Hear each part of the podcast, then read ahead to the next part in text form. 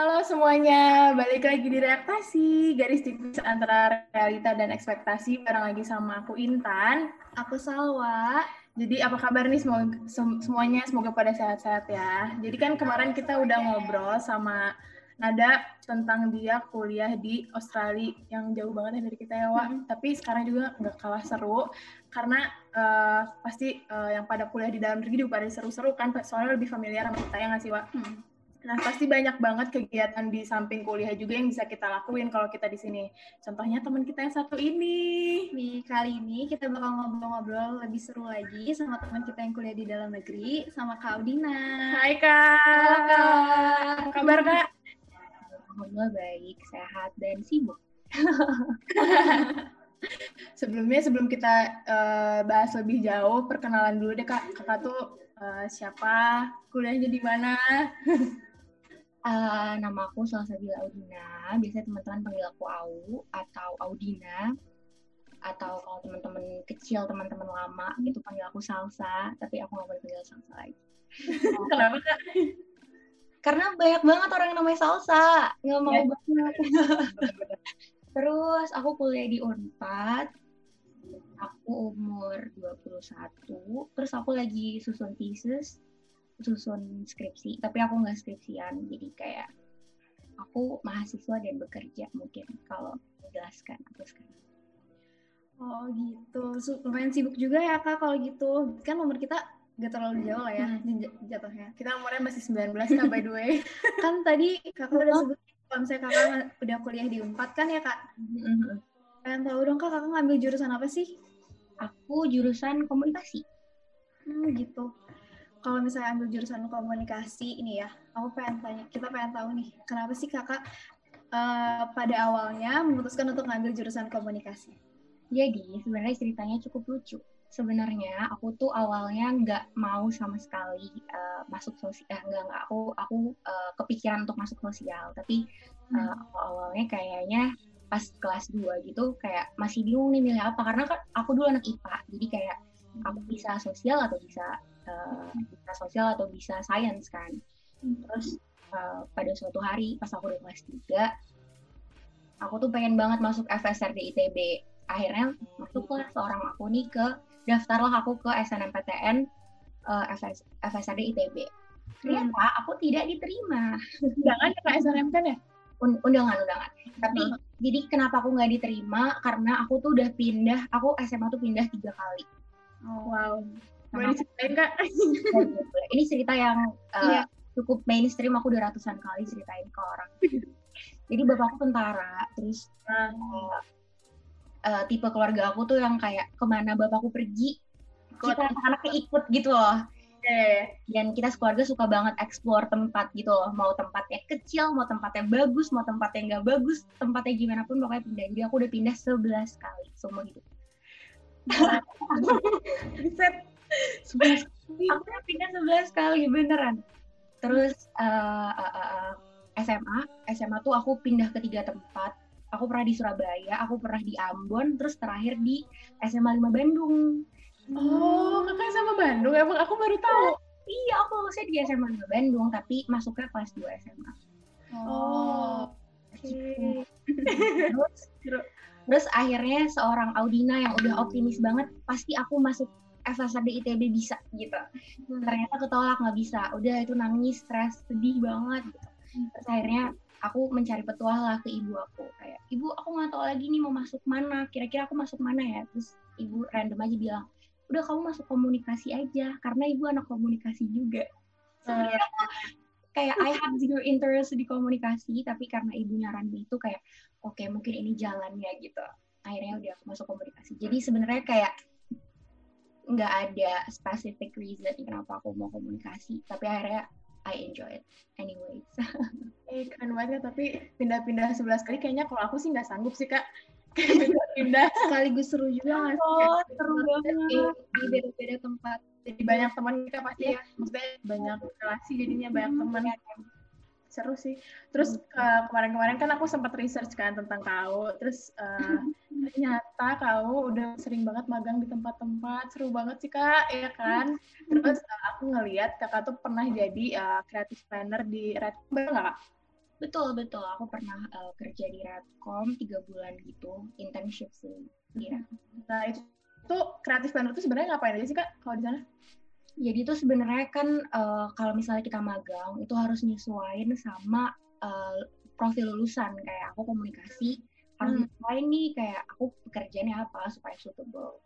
Jadi basically creative planner tuh aku kerjanya di tim kreatif jadi kan hmm. kalau di kantor tuh banyak tim-timnya, terus aku bagian tim kreatif karena memang interest aku di kreatif juga kan. Terus uh, jadi kalau creative planner tuh basically kita branding sih, tapi lebih ke gimana caranya kita menyusun menyusun segala macam perintilan untuk satu brand.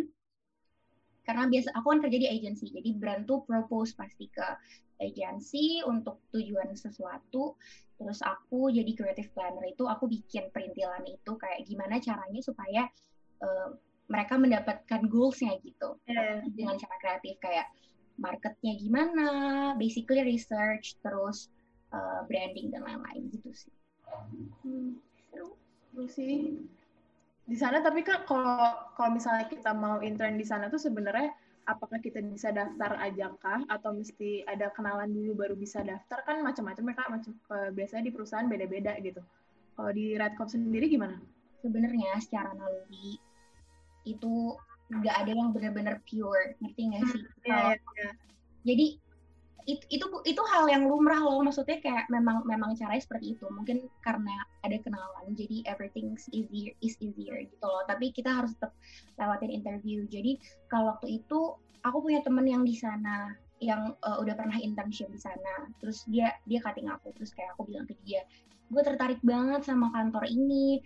Uh, kalau misalnya gue apply kira-kira gimana ya? Dan temen aku nih kayaknya waktu itu udah paham aku gimana. Jadi dia hmm. akhirnya merekomendasi aku ke kreatif tim kreatifnya terus kayak interview dan aku diterima sebenarnya waktu itu waktu aku daftar-daftar interview aku tuh nggak cuma daftar di Radcom doang gitu hmm. aku daftar di beberapa kantor dan sebenarnya aku keterima juga di beberapa kantor itu tapi karena aku butuh ambience dan tempat belajar yang sesuai sama energi yeah. aku akhirnya aku pilih Radcom Gila keren banget sampai keterima di beberapa tempat gitu.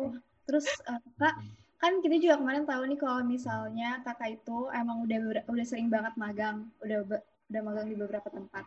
Hmm. Terus uh, kita pengen tanya dong uh, sebenarnya uh, apa ya semua magang yang pernah dilakukan kakak itu apakah uh, lebih baik, lebih enak berkaitan sama jurusan sesuai hmm. itu sama jurusan kakak? Terus pengalaman paling seru sama magang tuh apa sih gitu?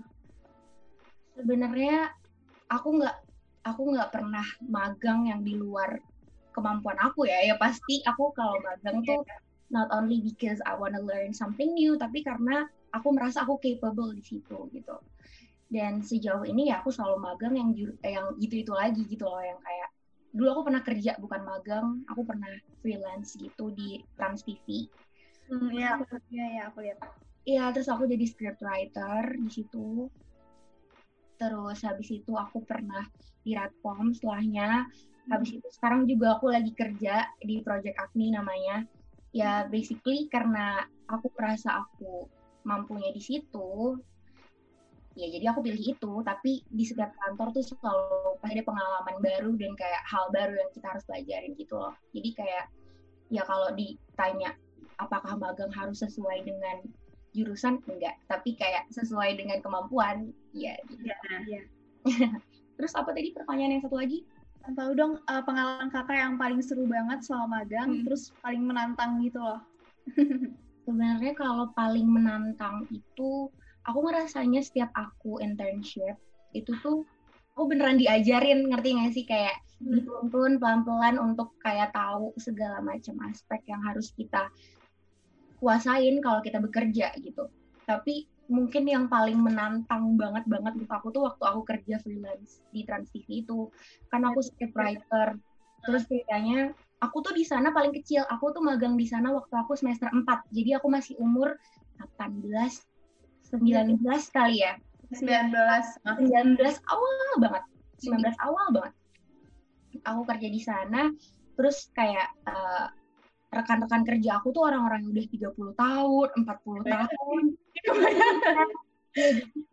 jadi kayak aku harus belajar gimana caranya ngerti nih selera orang-orang umur 30 tahun, 40 tahun. Jadi sebenarnya keberadaan aku di sana itu tuh untuk mengetahui anak-anak seumur aku tuh seleranya gimana sih karena aku kan kerja di TV kan. Terus yeah. writer. Jadi kayak menurut aku itu nggak nggak cuma menantang sih tapi sangat amat ekstrim menantang gitu loh. Kayak banyak tekanan batin gitu kayak harus ngapain, harus gimana, terus uh, gimana caranya supaya ngomong supaya mereka struck gimana terus tapi tetap harus profesional gitu loh. Jadi kalau menantang mungkin pas aku kerja itu tapi kalau internship aku enjoy. Mungkin karena udah beberapa kali aku magang beberapa kali magang dan kerja dan dengan pengalaman aku jadi kayak udah lebih slow udah kak aku pengen banget pengen banget ya gitu intern tapi belum waktunya kalau sekarang. Masih masih banyak kerja ini itu gitu kan. Gak, gak perlu nunggu waktunya nggak sih? Kayak kalau udah merasa pengen kerja kerja aja mumpung lagi libur gitu. Iya bener sih. Kalau kayak umuran kita kan jauh maksudnya beda nggak beda jauh sih. Cuman kan yeah. di bawah kakak terus kayak uh, pengen nanya kalau tips untuk teman-teman yang pengen magang gitu kayak kita tuh apa aja sih kak yang perlu disiapin selain CV mungkin CV kan pasti hmm, aku nekat karena aku orangnya nekat. Nekat itu dibutuhkan kepercayaan diri yang lumayan juga gitu loh. Kayak aku mikir dari dulu apa gunanya gue sekolah kalau gue nggak segera apply ini di pekerjaan gitu? Iya benar hmm. kayak uh, kuliah tuh kan perjalanan menuju kerja gitu. Jadi kayak menurut aku nekat terus percaya diri dan apa ya banyak banyak belajar gitu loh banyak belajar bahwa misalnya kamu suka banget nih sama research misalnya ya udah kamu terus belajar untuk research gimana cara research yang benar terus gimana cara ngomong yang benar gimana cara berkomunikasi yang benar kayak simply itu aja menurut aku kayak apa ya membangun self esteem aja gitu. Udah sisanya wah satuhan. Yang penting semangat yang penting pede karena pasti kita ber berapa ya berkualitas gitu ketika kamu ketika kamu tahu kamu berkualitas everything would be easy seru seru seru. Berarti intinya kita harus tahu kalau misalnya kita itu berkualitas jadi orang-orang juga bakal percaya juga nggak sih sama kita? Benar benar. Nah harus tahu value nya nggak sih wak sebenarnya ya kan? terus uh, kan kita udah denger nih semuanya tadi tentang pengalaman-pengalaman magangnya Kak Dina terus uh, apa? Berarti kan kalau gitu kakak sibuk kuliah. Iya sibuk magang sibuk internship, kerja dan lain-lain juga iya. Terus kita juga apa namanya selain di bidang komunikasi, kita tahu nih kalau misalnya kakak itu tertarik juga di bidang desain. Terus kita lihat waktu itu uh, apa namanya kakak ada jadi motion graphic, graphic designer, designer di band sore. Boleh ceritain gak sih kak sedikit aja? Hmm. itu sebenarnya bukan gambar. Jadi aku simply love to hmm. draw dan paint gitu. Terus, halo, ini bagus gak sinyalnya? Bagus kok, bagus kok. Ada, ada, ada. Soalnya kalian kayak putus-putus gitu lumayan. Oke. Okay. Oh, oke. Okay. Jadi uh, aku tuh di invite, di invite sama salah satu temen aku hmm. yang memang udah jadi motion graphic designer di sore.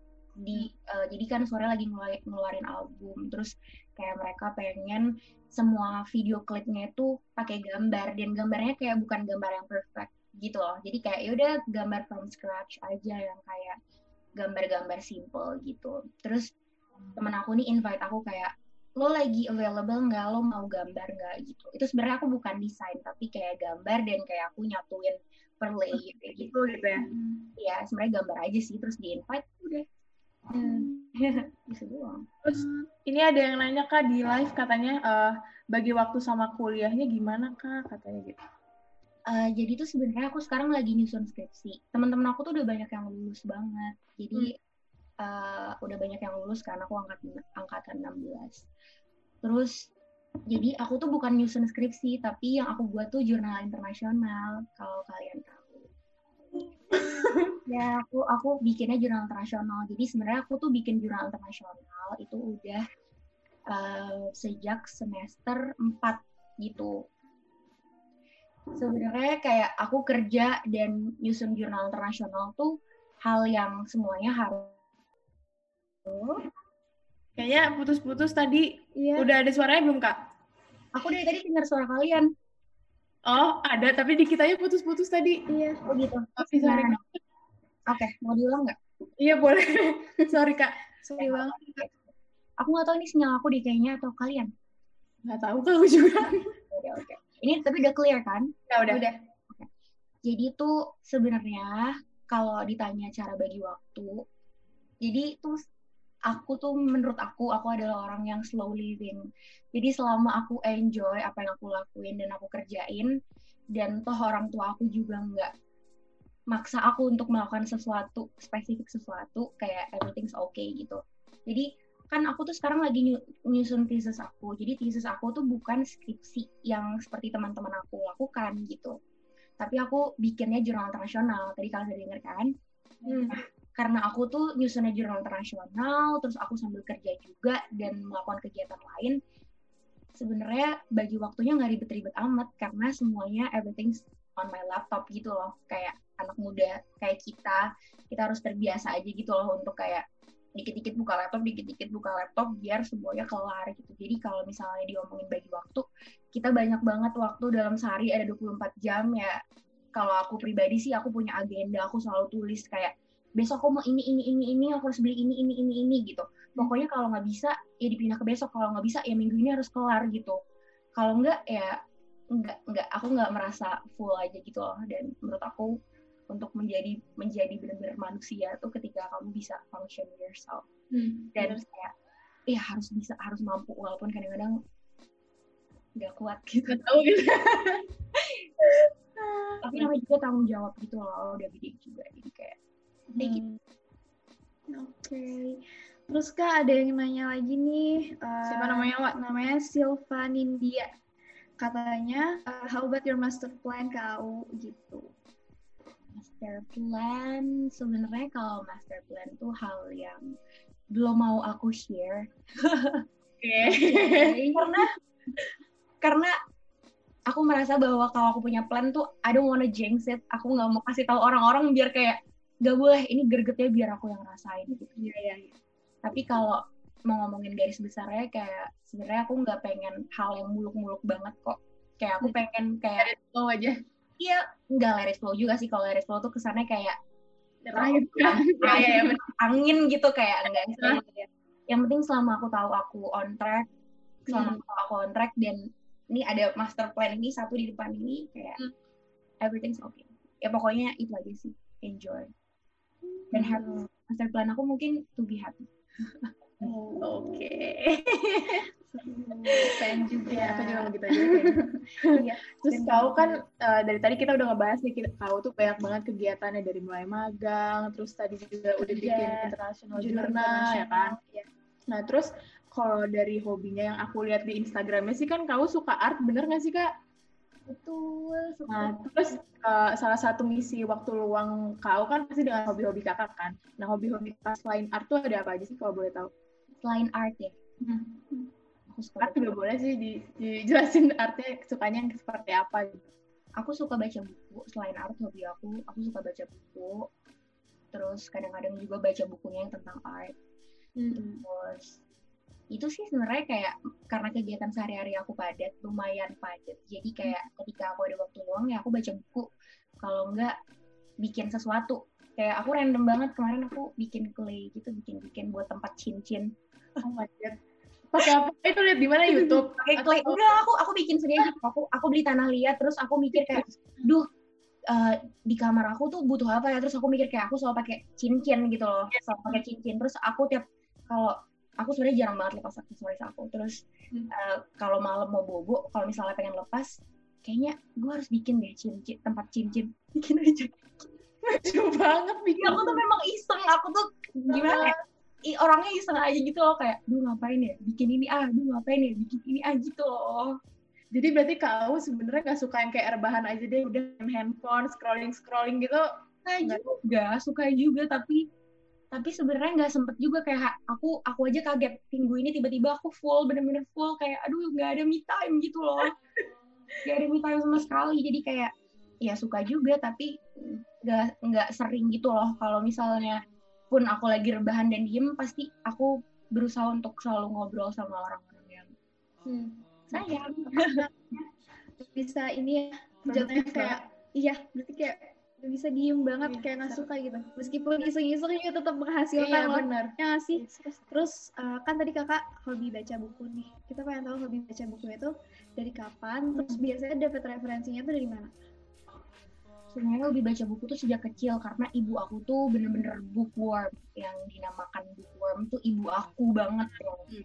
Dia bahkan pas aku masih kecil nggak ngurusin nggak ngurusin aku sama adik aku, tapi dia malah yang kayak baca Harry Potter, baca Harry Potter yang eh, eh, yang yang seri kelima itu yang te- paling tebel kayak dia baca cuma dua hari Gila banget. dalam waktu 48 jam. bener dibawa ke kamar mandi segala macam. Oke jadi kayak sebenarnya aku ketularan dari ibu. Dulu tuh sempet pas awal masih kecil tuh dipaksa banget kayak Hmm. dipaksa untuk baca terus kalau misalnya selesai nanti review ke ibu ya cerita bab ini tentang apa yang gitu-gitu loh dipaksa baca. Hmm.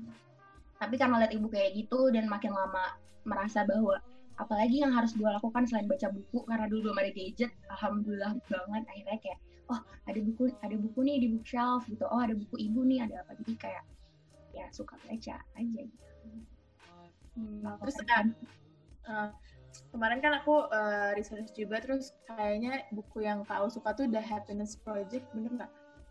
Itu kan buku favorit kau kan? Bisa ceritain dikit nggak sih itu tuh bukunya eh, bisa menjadi inspirasi ke kau kah atau emang ceritanya tuh seperti apa sih di buku itu? jadi itu salah salah satu buku yang dia cuma 300 halaman dan bukunya tuh kecil gitu. Terus eh, halamannya tuh warnanya abu-abu sebenarnya aku nggak terlalu suka. Tapi kayak itu buku yang itu buku yang life changing banget gitu loh. aku baca buku itu tuh udah sejak aku SMA kelas 1 SMP kelas 3 lah udah lama banget.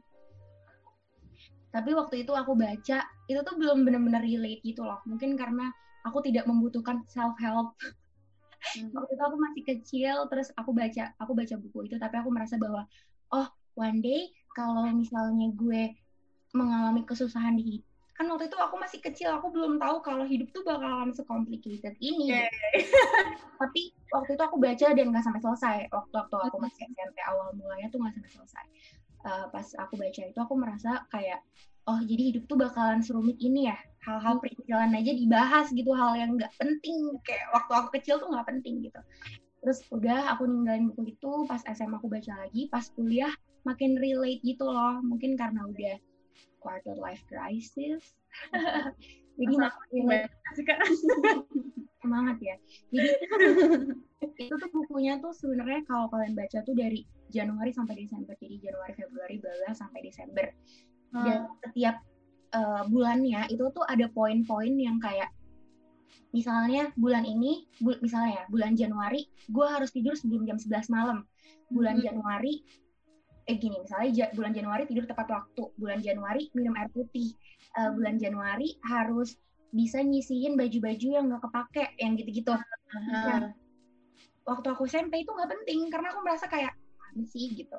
Ya, Nah, ya. pas aku kuliah, kayak, oh jadi happiness itu datangnya dari diri sendiri ya, dan dari rumah ya, dan dari dari lemari pakaian ya, dan dari kamar mandi gitu loh, kayak life changing, bener-bener life changing karena dia cerita dari point of view dia sendiri, dari Gretchen Rubin sendiri, kayak itu buku yang beneran ketika aku Hmm. demotivated, aku nggak ada inspirasi, aku ngerasa kayak I'm worthless atau aku ngerasa kayak aku nggak capable untuk apa pun itu, aku baca buku itu, biasanya orang baca buku kan malah makin kayak, "Ugh," gitu makin berat. Tapi kalau baca buku itu yang kayak, oke, gue semangat lagi, gue bisa, gitu. Hmm. Terus malah kayak, misalnya aku lagi sedih atau apa, yang aku lakuin malah set alarm buat tidur jam sebelum jam 11 malam kalau enggak aku kayak bersih-bersih lemari atau ngapain jadi kayak energi, energi buruk itu kebuang semua ke hal-hal yang ada output positif kayak gitu jadi kayak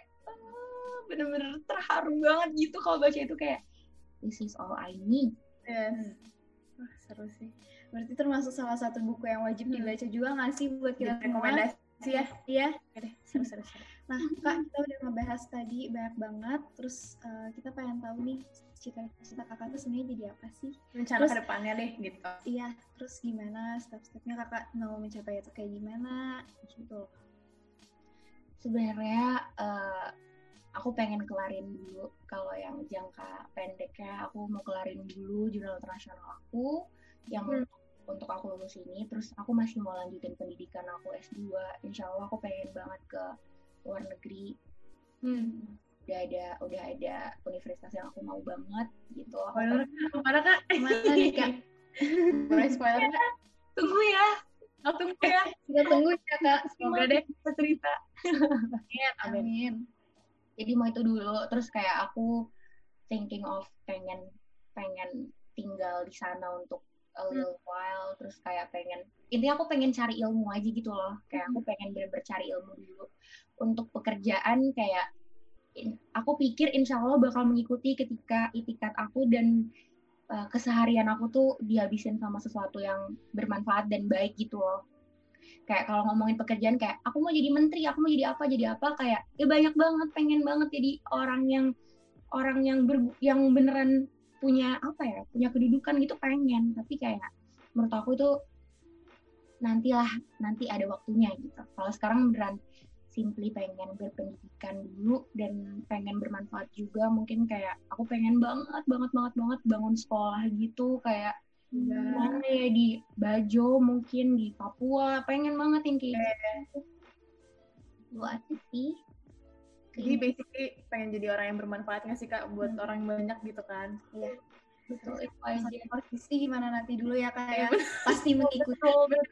mengikuti kalau kita niatnya baik terus keseharian kita baik dan kita mau belajar belajar untuk jadi orang lebih pintar dan lebih baik dan lebih sehat pasti insya Allah insya Allah baik semuanya ntar. Nah, terus berkaitan sama buku yang tadi nih, buku The Happiness Project itu sendiri. Menurut kakak, definisi bahagia itu seperti apa sih? Gitu. aduh aku ketawa dulu Dalam pertanyaannya itu ya susah ya. aku juga masih mendefinisikan ya oke jadi menurut aku happy itu ketika ketika ketika kita bisa bersyukur gitu loh kayak kalau apa yang kita punya kalau apa yang kita punya tuh cukup gitu. Menurut aku ketika kita bersyukur tuh kayak apa ya ketika kita bersyukur kalau misalnya kita punya ini punya itu punya ini punya itu yang yang yang nyala tuh bukan cuman mata tapi hati juga tapi otak juga gitu loh.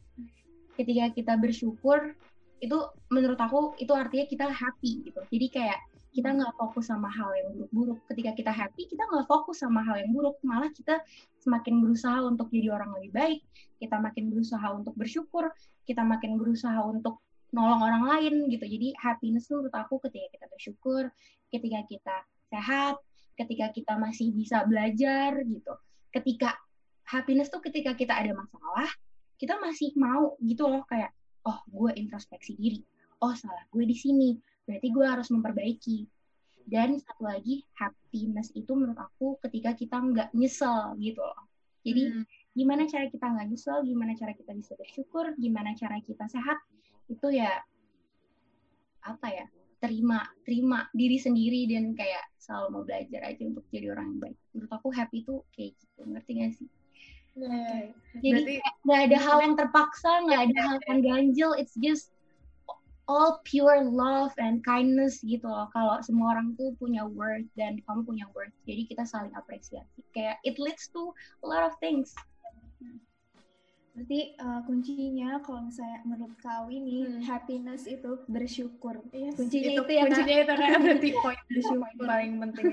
bener banget kayak just don't compare yourself with something yang ada di atas kamu kalau kata ibu dulu ngapain kamu lihat yang di atas kamu lihat tuh yang di bawah kamu jadi kamu merasa cukup gitu jadi kamu mau bantu jadi kamu apa gitu kayak Berarti self love pun sangat penting nggak menurut kau gitu? Self love self love menurut kau berarti penting Bang. juga. banget banget Hmm. banget banget banget makin ke sini makin tahu kalau self love tuh penting penting banget kayak apa ya yang paling penting dari semuanya tuh self love Hmm. menurut aku Oke, ini kita udah udah mau terakhir terakhir nih kak, udah Iya. sesi mau terakhir. Selama karantin ini kan pasti eh, banyak eh, kau tuh sebenarnya suka dengerin lagu gak sih? Suka banget, banget, banget, banget, banget. Nah selama karantin ini berarti kan eh, pasti lebih sering dengerin lagu gak sih kak daripada eh, aktivitas yang biasa sebelumnya. Nah kira-kira ada rekomendasi nggak kak beberapa lagu yang mau di share gitu mungkin? Apa ya? Aku suka rekomendasinya gitu. Aku selalu suka lagunya Casey Musgraves yang Oh What a World. Itu tentang apa tuh kak? Oh What a World tuh intinya kayak gimana ya kayak ini tuh banyak banget di kehidupan kita yang kita bisa lihat, kita bisa bersyukur nih kehidupan cuma sekali kayak why why complaining gitu loh yang hal-hal yang kayak gitu kayak world kita kita hidup sekali mungkin kita pernah di past lives mungkin kita bakalan ada kehidupan lain mungkin ada alternate life kayak Oke. world world ngerti gak sih kayak udah kita hidup be present dan jadi manusia aja gitu all world what world kayak gitu terus mungkin kalau lagu-lagu lain aku lihat Spotify aku kali ya. Apa kan- Spotify-nya? namanya nama aku Salsabila Audina Oke, berarti udah ada playlistnya. Udah playlist aku lumayan banyak kok aku suka bikin playlist tapi lagu-lagunya yang slow-slow gitu Apalagi nih kak rekomendasinya selain All What a World. rekomendasinya sekarang yang di otak aku Call It Fate, Call It Karma-nya The Strokes. Hmm. Kalau tentang apa, kayak it's basically tentang hidup lagi. Kayak kayak ya hidup tuh pilihan, jadi kayak karena hidup tuh takdir dan karma, jadi kayak jadi orang yang baik aja gitu. Aku suka itu, terus aku lagi suka lagu In Bloom. In Bloom tuh siapa ya? Eh, James Tillman. In Hmm. Bloom tuh James Tillman. Dia lagunya Hmm. In Bloom, ya James Tillman. James Tillman tuh dia aseksual, eh ase aromantis, aromantis, aromantis tuh orang yang nggak percaya cinta kayak, ya gitu. Jadi lagu In Bloom tuh kayak kita express feeling ke seseorang, tapi you don't have to be with them gitu. Ya kayak lagu gitu deh. Tapi lagunya enak banget. Tapi kau percaya cinta dong, ya nggak? Oh, percaya banget. percaya banget. Aku aku aku aku sangat amat per- percaya bahwa cinta tuh ada dan exist dan kita harus share itu ke siapa pun itu. Oke. Apalagi butuh saran rekomendasi lagi? Hmm, Ya. Boleh deh kak, satu lagi aja. Kalau ada. Lagi ya, ini ini ada di otak aku. Ini all time favorite aku judulnya Maria Ningwem, Ningwem, Maria Ningwem. Ningwem, Ninggam, Maria Ninggam eh, yang nyanyi Joao Gilberto. Tulisannya Joao spasi Gilberto. Oke. Itu lagunya tentang kehidupan lagi kah atau Enggak, enggak. Ini, ini kenapa? ini lagu aku nggak pernah tahu karena di bahasa Spanyol, Spanish. Tapi itu lagu aku dari dulu banget. Aku suka banget lagu itu. Kayak kayaknya cowok yang naksir ke cewek itu namanya Maria deh. atau aku nggak tahu lah apa. Aku bener-bener nggak pernah lihat artinya. Tapi a- asoy banget. Berasa diri aku aja gitu Tadi kan udah dibocorin nih berarti Hmm, empat lagu lumayan. favoritnya Kak Awu Seru. lumayan banget. Hmm. Kalau misalnya mau lebih tahu lebih banyak lagi boleh di follow aja Spotify-nya ya Iya. sih? ada linknya di Instagram aku Ada Jangan lupa tahu. dicek. Oke. Terasa Nggak banget kerasa kak, sih? kita udah 37 menit. Iya, udah ngobrol. ngobrol-ngobrol dari tadi. Iya. Udah ngebahas ini baru sampai 10 menit Nggak kerasa, ternyata udah lama juga, udah 37 menit nih kita. kita kita nggak harus ngobrol langsung dong nggak cuma di sini aja Nah, nanti deh kak, kalau ada kesempatan lagi kita bikin acara, Kita langsung tahu ngobrol ya. kau ketemu kita ya. ngobrol langsung ketemu. Seru banget nih ngobrol-ngobrolnya Awu. Makasih banyak Makasih ya banyak, udah nyempetin waktunya. makasih banyak udah undang aku juga aku excited banget seneng banget Semoga nanti kita bisa kerja sama bareng lagi ya kau ya. Dan Ya. semoga nanti cita-citanya segera tercapai, semoga dimudahkan juga. Kalian juga yang jurnal internasional udah beres, terus udah dapet kampus buat S2. Jadi lupa cerita kita ya Nanti Kak. kita undang lagi ya kak.